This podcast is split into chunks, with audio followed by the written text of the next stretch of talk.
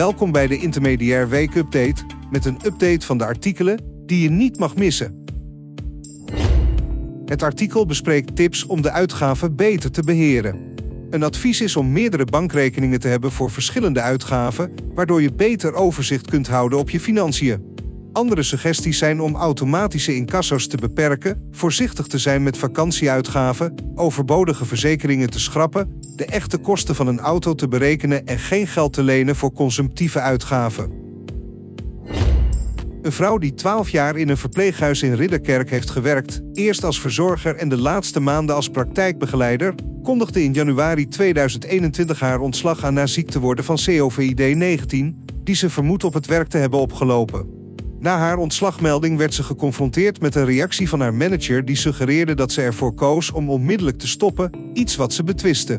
Ze dringt aan op wederzijds overeengekomen ontslag, een transitievergoeding en dreigt juridische stappen te nemen als haar eisen niet worden ingewilligd.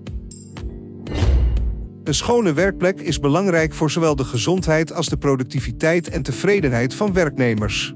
Persoonlijke hygiëne zoals regelmatig de handen wassen en het schoonhouden van je eigen werkruimte dragen bij aan een hygiënische werkomgeving.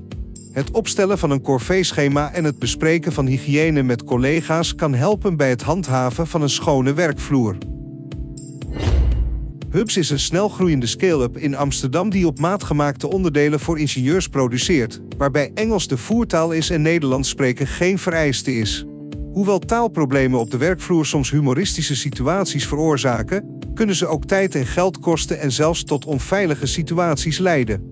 Ondanks dat er een toename is in de bereidheid van internationale studenten en professionals om Nederlands te leren, bereiken de meesten niet het niveau om in het Nederlands te kunnen werken, wat suggereert dat de taalverwarring op de werkvloer in de toekomst mogelijk zal toenemen.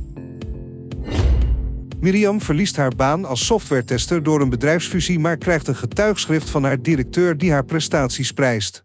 Ondanks de waarde van dergelijke getuigschriften wordt er tegenwoordig meer waarde gehecht aan een aanbeveling op LinkedIn of een skillspaspoort, een digitaal cv dat vaardigheden benadrukt in plaats van diploma's. Er zijn echter zorgen over privacybescherming en kwaliteitsbewaking bij het gebruik van dergelijke digitale cv's. Dit was de weekupdate van Intermediair. Lees en luister alle artikelen via intermediair.nl.